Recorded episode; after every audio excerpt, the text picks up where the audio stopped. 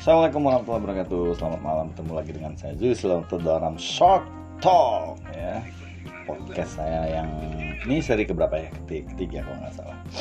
Oke kali ini Di samping saya Duduk seorang Gadis cantik asal Medan Febri Namanya Febri apa? Feby Marbun bang. Febri Marbun loh Marbun sukunya Marbun. Dan di sebelah Sebelah saya lagi ada ya seorang cowok ganteng yang masih jomblo. Willy Kibo. Selama ini lagi ngedit video yang akan kita rilis besok untuk persembahan kepada negeri. Malam ini saya pengen ngobrol sedikit sama Feby tentang Nah kebetulan Feby juga adalah salah satu murid di Tiger Shark Yang berlatih dan penuh semangat selama ini. Kita akan bicara sedikit tentang wanita dan olahraga bela diri gitu. Ya. Khususnya olahraga, olahraga bela diri dan olahraga pada umumnya Nah gimana nih Feb? Iya Udah berapa lama menekuni latihan bela diri? hmm, Total dari awal banget tahu tentang olahraga MMA ini sama, sama gabung TS itu sekitar 6 tahun 6 tahun ya lama juga ya. Iya Dulu pertama di mana? Pertama latihan? maksimum maksimum ya. Karena maksimum maksimum sekarang udah tutup ya. Iya Eh, apa nih yang Feby rasakan eh, selama berlatih olahraga bela diri ya? Kan berlatih sambil olahraga tentunya ya. Iya Manfaatnya apa yang didapat? Manfaatnya banyak banget sih bang. Apalagi eh, saya juga bekerja kan bang. Banyak banget eh, tekanan di pekerjaan. Jadi kalau di olahraga Saya bisa eh, merilis eh, energi negatif eh, Dari tempat saya bekerja atau tempat lain. Betul, betul. Uh, saya bisa uh, tertawa bisa sama teman-teman yang latihan bareng Melampiaskan emosi ketika Bisa juga, ya, bisa disebut gitu juga. Pas lagi mukul gitu sangka. ya. mungkin mukulin pelatih ya. enggak lah itu bang Kan cuma di Shark pelatih dipukulin. iya nah, selain itu juga hmm, bisa merilis eh, uh, energi negatif saya dapat juga uh, teman-teman yang banyak terus em, saya bisa dapat manfaat besar untuk kesehatan saya kebugaran saya nggak cuma fisik tapi secara mental juga bang Oke. Nah, secara dari sisi kesehatan nih, perubahan yang Febri rasakan eh, dari sebelumnya, sebelum mulai aktivitas olahraga ekstrim ini, ada nggak perubahan seperti apa sih yang yang yang kira-kira berasa banget itu di tubuh? Eh, perubahan besar banget itu waktu pertama kali saya gabung ke maksimum Hmm. kalau secara fisik itu 79 kg Wih, waktu pertama kali gabung. Tinggi berapa? tinggi 156 Wih. itu kan? Bulat juga ya? bulat banget. Eh, ya udah eh, olahraga di maksimum selama 2 tahun itu terakhir pas lagi maksimum tutup itu berat saya sekitar 67 67. 67 67 vakum sekitar setengah tahun masuk ke Tiger Shark. Hmm. Tiger Shark 67 ya waktu itu sempat masuk lagi hampir 70 karena vakum sekarang 60 kg 60 kg. Alhamdulillah ya. 10 kilo lah 60 kilo. Masih mau turun lagi? masih lah bang Eh, Mau. targetnya berapa? targetnya saya juga nggak mau kurus banget 55 lah bang Iya 55 jangan terlalu kurus. Artinya gini, eh, beda ya. Orang target diet itu sebenarnya bukan untuk kurus, tapi bahasanya itu apa? Shape gitu. ya. ya Jadi chef eh, kalau kurus itu eh, kita nggak punya otot. Jadi istilahnya tulang hanya dilapis sedikit otot gitu, tanpa lemak itu kurus namanya. Hmm. Tapi kalau shape itu kan lebih ke otot yang apa melapisi tulang tuh lebih berisi. Jadi kita kalau dilihat sekilas itu eh, kalau kurus kan kayak nggak ada bentuk ya, lurus-lurus. Hmm. Tapi kalau orang yang terlatih dan masih ada lekukannya shape-nya, kelihatan lekukannya dan lekuk itu adalah lekukan bentuk otot, Ya. bukan lemak. Nah itu jadi itu yang kadang orang salah eh, apa mengartikan diet. Kebanyakan orang diet untuk kurus. Nah ini yang salah. Karena kurus itu sebenarnya juga hampir sama juga efek kesehatannya dengan orang gemuk gitu. Gemuk itu juga gampang mendatangkan penyakit, kurus juga juga datang mendatangkan penyakit. Nah, ketika kita berada di kondisi ideal, shape tadi itu, itu eh, sudah pasti ya orang-orang yang bertubuh ideal seperti itu adalah orang-orang yang betul-betul setiap harinya menempa dirinya dengan latihan-latihan yang intensif, kemudian menjaga pola makan, menjaga pola istirahat dan ya bisa menjadi sebuah nih lah, sebuah apa namanya, sebuah eh, tanda bahwa dia itu adalah orang yang sehat. Nah, ini beda. ini kadang yang salah nih para cewek-cewek nih Hmm. mau diet pengen apa diet pengen kurus ya bahasanya kurus ya susah kalau kurus ya nggak usah latihan nggak usah makan aja kan Iya bang, dan ntar juga kurus kering gitu saya nggak bisa bang kalau makan bang. Mendingan saya makan banyak, olahraga juga banyak. yes ya gitu uh, salah satu menangani apa mengatasinya gitu kadang ada orang yang memang uh, untuk mengatasi diet itu susah gitu. Ya kalau emang pengen makan banyak ya tentunya juga harus banyak kalori yang dikeluarkan kan? Iya bang. sebelum berlatih dulu tahun berapa mulai latihan tuh? Patokannya pertama kali saya masuk kerja tempat sekarang em, 2014. 14 nah sebelum itu pernah gak latih bela diri sebelumnya? Di sekolah atau itu Belum pernah, belum belum pernah? Belum pernah, emang sama sekali belum pernah? Belum pernah sama sekali latihan. kalau di diri. kan dulu muay thai ya Oke Tapi waktu SMP saya suka banget ah, nonton pertandingan tinju bang di Indosiar. Iya, karena Feby ini adalah salah satu cewek yang tomboy juga sebenarnya. Tapi sekarang dia mulai girly. Girly bang. Tapi tomboynya masih kelihatan gitu. Iya bang ya. Iya masih kelihatan nih bang. Eh, manfaat dari bela diri yang yang sudah Feby rasakan apa kira-kira? Pernah nggak mengalami hal yang berkaitan dengan pemanfaatan latihan bela diri di jalanan atau di mana gitu di kantor barangkali Hmm, kalau di kantor yang tadi saya bilang kalau di kantor kan banyak tekanan baik dari bos atau rekan kerja. Nah manfaatnya pas lagi tempat latihan kita bisa rilis dan ya Ah, itu dari olah tubuh atau Ah. buku sansak seperti itu. Terus entah kenapa kalau pas lagi di kantor ngadepin tekanan itu justru lebih sabar Nah, karena fil- yang saya dapat dari filosofi pelatih justru eh, bela diri itu bukan untuk Iya. mukulin orang atau ya betul em, mendapatkan masalah tapi justru menekan eh kita harus sabar lebih Ya. baik menghindari masalah di kantor bisa lebih sabar nafas juga kita bisa lebih olah dengan baik bang ya lebih inilah apa stamina lebih ini ya Mm. secara fisik lebih terjaga gitu ya itu kalau di kantor kalau di jalanan kalau di jalanan di masyarakat lah lebih lebih ini eh, lebih apa ya aware gitu dengan sekitar oh gitu. Ah. lebih hati-hati lebih hati-hati kayak kita punya sense betul. tambahan Iya. untuk uh, mana nih yang situasi yang gak baik sama kita mana yang harus kita hindari itu bisa lebih tajam karena kita rajin latihan Iya, jadi memang latihan bela diri itu eh, kalau kita latihannya rutin ya, mungkin secara apa, secara tanpa kita sadari yang kita latih itu sebenarnya bukan hanya bagaimana melatih eh, anggota tubuh kita itu mampu melakukan serangan-serangan dan pertahanan-pertahanan seperti memukul, menendang, menangkis, menghindar. Hmm. Eh, itu yang kita tahu kan biasanya kan, tapi kalau kita melatih itu secara rutin tuh tanpa kita sadari kita juga melatih namanya insting Mm-mm. melatih feeling jadi kayak kayak melatih apa namanya eh, energi kita gitu untuk bisa menangkap energi yang negatif yang ada di sekitar kita Hmm. biasanya kalau orang yang terlatih bela diri itu itu dia punya kemampuan eh, menangkap apa namanya energi yang yang tidak baik untuk dirinya jadi kalau dia berada di satu lingkungan tiba-tiba misalnya ada apa namanya orang yang berniat buruk itu biasanya eh, nyambung Nah, Iya, Bang. itu latihan biasa aja bisa begitu apalagi kalau kita berlatih bela diri itu lebih dalam gitu melatih ilmu pernapasan meditasi terus spiritualnya falsafahnya itu akan lebih tajam lagi. Jadi kalau di di perguruan kita tuh kita juga melatih telepati gitu. Jadi kita kadang kita bisa bisa seperti apa berkomunikasi gitu ya dari jarak jauh hanya dengan telepati gitu.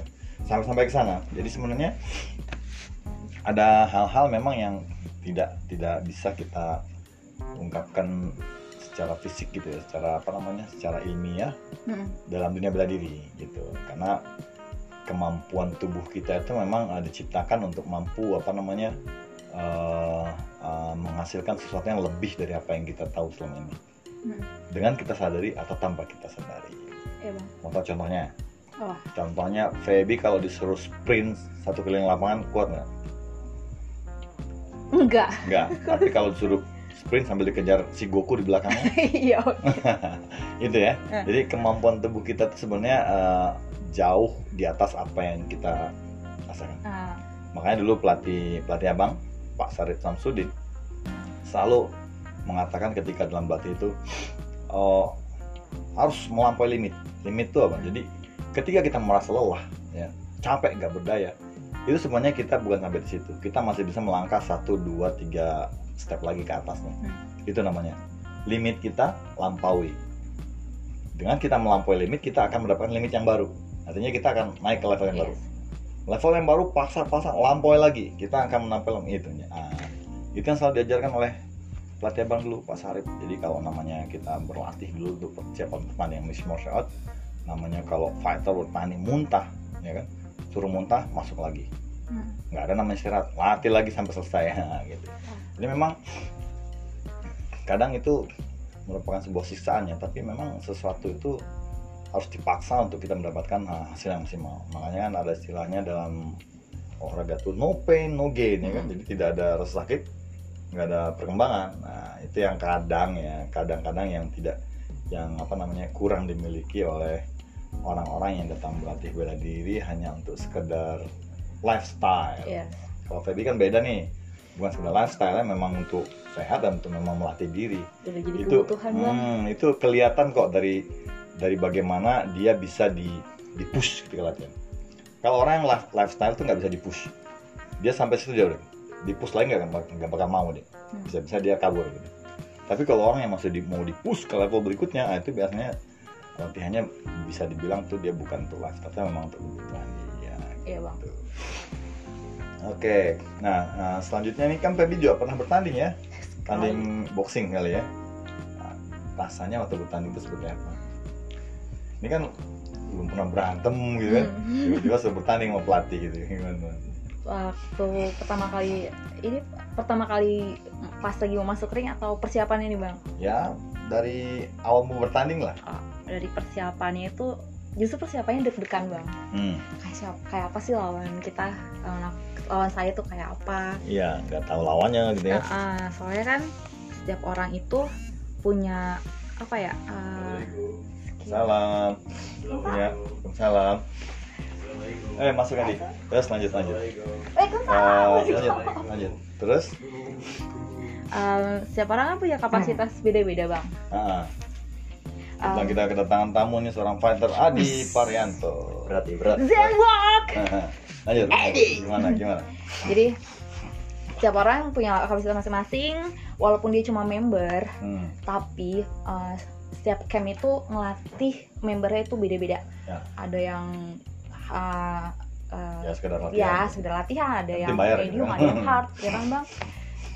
Yang aku lihat sekarang kan uh, member itu juga latihannya udah mulai, wah udah mulai uh, hard banget bang, udah kayak atlet. Nah, jadi aku bilang, wah gila ini latihannya uh, keren banget. Jadi aku was-was di persiapannya bang. Hmm, siapa? Nah, berarti gue harus persiapan juga, bahkan harus lebih dari mereka, ya Iya, kan? betul. Pas, tapi pas lagi di mau masuk ring, sampai udah nyantai Nggak nyantai ya. udah bodo amat lah ya udah gue tanding jadi anggap aja Kalah sparring belakang. Nah, abu yang penting maju udah kita bisa ngerasain ya itu sih bang Iya, nah. Jadi kalau kita bertanding itu emang sebenarnya eh, kita ini kan bukan meramal ya. Gak ada orang yang bakal tahu hari besok tuh mau seperti apa. Jadi kalau kita mau bertanding itu jangan pikirkan menang atau kalah. ya nggak Karena kita nggak kita memang punya keinginan untuk menang, tapi Hmm. kita nggak pernah tahu kan kita latihan itu nanti menang atau kalah. Nah jadi ketika kita mau bertanding, lupakan harus menang harus atau kalah. Saya akan kalah nih, oh enggak juga. gitu. Mm-mm. Saya pengen menang, Hmm. tapi keharusan untuk menang nggak ada. Karena kan tergantung bagaimana kita. Nah yang paling penting adalah bagaimana untuk mencapai sebuah kemenangan. Ya. Tentunya kalau kita pengen menjadi seorang pemenang, kita juga berlatih sebagai pemenang ya kan. Nah itu itu yang yang juga karena main dilupakan orang. Uh, mereka pengen bertanding itu pengennya menang, tapi ketika latihan itu nggak nggak bisa berlatih sebagai seorang pemenang gitu loh. Selalu malas latihan, datang terlambat, nggak bisa dipus ya kan, males-malesan sehingga ketika bertanding napas habis apa. Tapi yang penting ini, kalau kita udah merasa persiapan kita cukup, latihan kita sudah maksimal, kita lakukan semua daya upaya, nah kalaupun nanti di pertandingan kita kalah ya itu sudah namanya berarti lawan lebih hebat yes daripada bang kita. ya. saya akui memang lawan saya kemarin hebat sih dia ininya mentalnya uh saya kalah di situ mentalnya Kalah di mental ya, nggak mabuk dan kira-kira masih pengen bertanding? hmm, Enggak. Setelah covid ini kita lihat dulu lah ini Setelah covid nggak sekarang lah gitu kan. bertanding makan Kamu mengecewakan pelatih, nggak mau tanding lagi. Iya, kita lihat aja bang. Nah, pesan-pesan Feb nih buat uh, para wanita di luar sana gitu yang Hmm. ya yang menjalani hidupnya dengan wajar. Kalau kita kan boleh bilang nggak wajar ya kan, Saya nggak wajar ya bang. kerja mau mukulin sansak, abang aja nggak wajar suruh sparring sama temen gitu kan. Nah, buat mereka yang menjalani hidupnya dengan wajar tuh, menurut apa nih saran kayak gini? Em, waktu itu pernah ada yang bilang sama saya, lo, eh, lo ngapain sih lo cewek latihan bela Nah, diri? bener kan? Dibilangnya nggak wajar kan? Dibilangnya itu ngapain sih lo? eh, mending cari cowok aja yang bisa ngelindungi lo. Aku tuh langsung "Hah, apa? langsung nggak bisa menelaah omongannya. Aku bilang gini, eh, sebenarnya orang yang paling dekat melindungi atau menjaga lo atau menjaga diri kita sendiri diri kita sendiri. Karena kita nggak nggak selalu nggak selalu dikelonin nggak kan? mungkin kita selalu sama suami kita sama bapak kita Iya. sama pacar kita lalu juga mereka juga pasti bete kali ngikutin lo mulu kan jadi ya Hmm. paling cepat diri kita sendiri malah bang. ada juga banyak kejadian. Nah, dari teman-teman kita juga yang cerita-cerita kemarin juga kan. Malah justru cowoknya yang justru yang yang yang kasar lah gitu sama ceweknya Ah, iya, aduh, itu- tangan banyak itu kok kejadian. penting loh itu bukan sebenarnya. cowok itu. Ya cewek itu latihan bela diri itu sebenarnya bukan untuk dibilang so hebat Ah. tapi itu adalah cara gimana cewek itu menghargai dirinya sendiri. Ya, ya betul, betul. ya kan? Karena kita ini cewek Ah. uh, uh, aku nggak suka kalau ada cewek cowok gitu. Intinya kita sama-sama manusia punya kapasitas yang penting adalah Iya. menopang satu sama lain. Gitu sih bang. Sementara di tempat latihan kita ketika dipukul disuruh bertahan kan? Iya. balas gitu kan? Iya. Ketik- ketika di sama pacar kenapa kalau dipukulin diem aja gitu? Iya. Kenapa?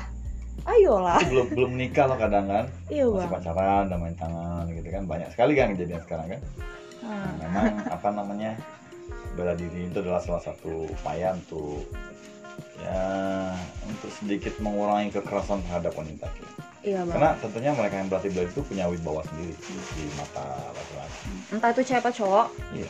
kalian perlu untuk self defense sih bang Apalagi cowok dong, iya yang harus ngelindungin pasangannya keluarganya kan, ah.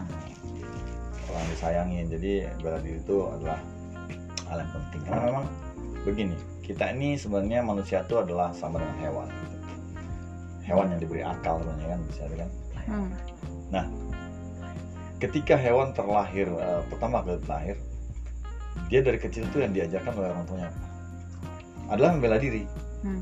belajar berkelahi belajar berburu belajar merebut kekuasaan gitu kan Ya, jadi kalau kita lihat kucing atau anak anjing saling gigit-gigit cakar-cakar sebenarnya eh, adalah latihan yang yang yang diberikan sebagai salah satu bentuk bagaimana mereka bisa nanti ketika mereka besar bisa menjadi oh, seekor yang tangguh gitu ya, Iya. yang mampu menjaga Hmm. komunitasnya, menjaga wilayahnya, mampu berburu gitu kan.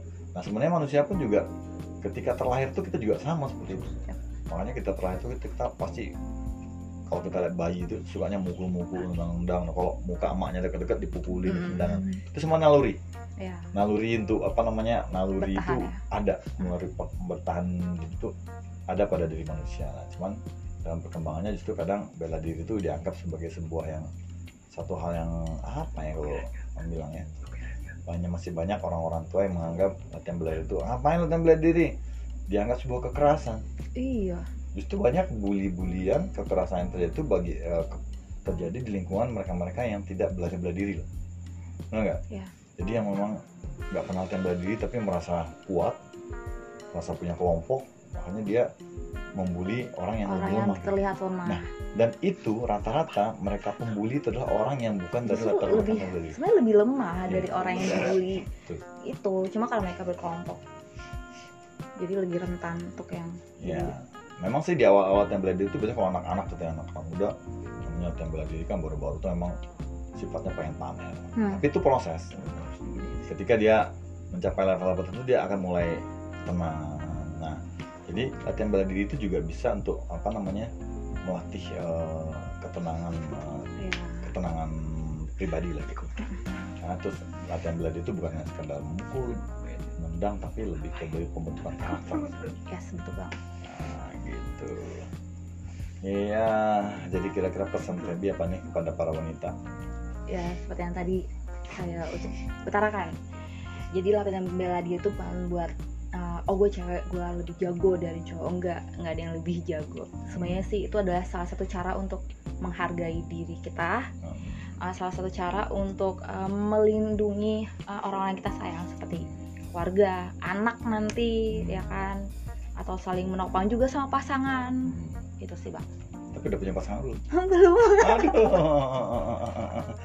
ngomongnya ngomong pasangan dia dia masih kan jomblo. nanti bang punya pasangan. Kalau nggak jomblo malam ini dia nggak ada di sini. Ya iya bener.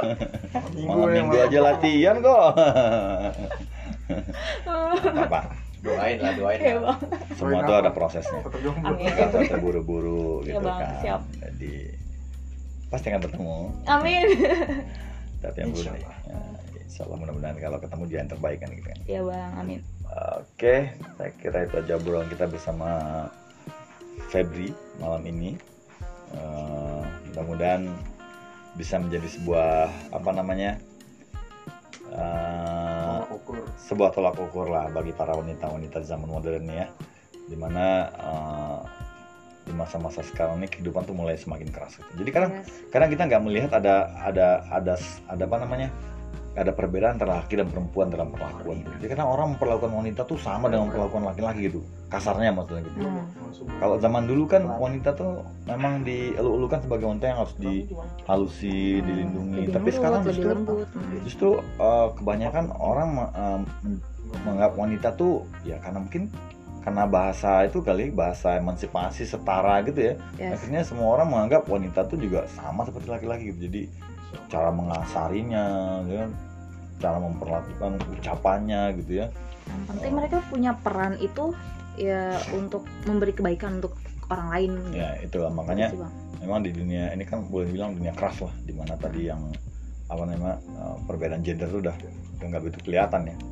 Sehingga wanita juga kadang diperlakukannya kasar sama dengan nggak sedikit kan yang kalau anak-anak cewek juga dibully oleh anak cowok kan. Yes. Nah, jadi penting juga latihan bela diri ya buat buat kamu yang masih ragu-ragu lah latihan bela diri ya datang aja banyak camp kok yang bisa melatih kamu. salah satunya ada- Tiger Shark Iya Tiger Shark boleh. Ini ada coach Adi Zen Walk nih ya salah seorang petarung yang eh enak. sih? gitu ya. Enak-enak. Ya, gitu. Ya. mantap-mantap. Buat untuk enak-enak. Kadang masalahnya begini. Aiman ini.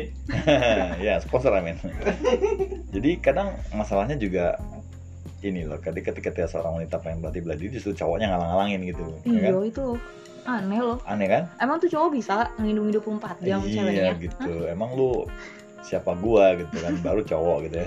Iya. Artinya harusnya support lah karena kan begitu mereka melatih bela tapi begini loh begitu mereka mau ke ke, ke gym ke camp gitu berlatih bela Mhm. diri itu kenapa cowok banyak menolak banyak melarang alasannya yang, yang abang pernah selidiki lah bang salah satunya sebenarnya kecemburuan Oh.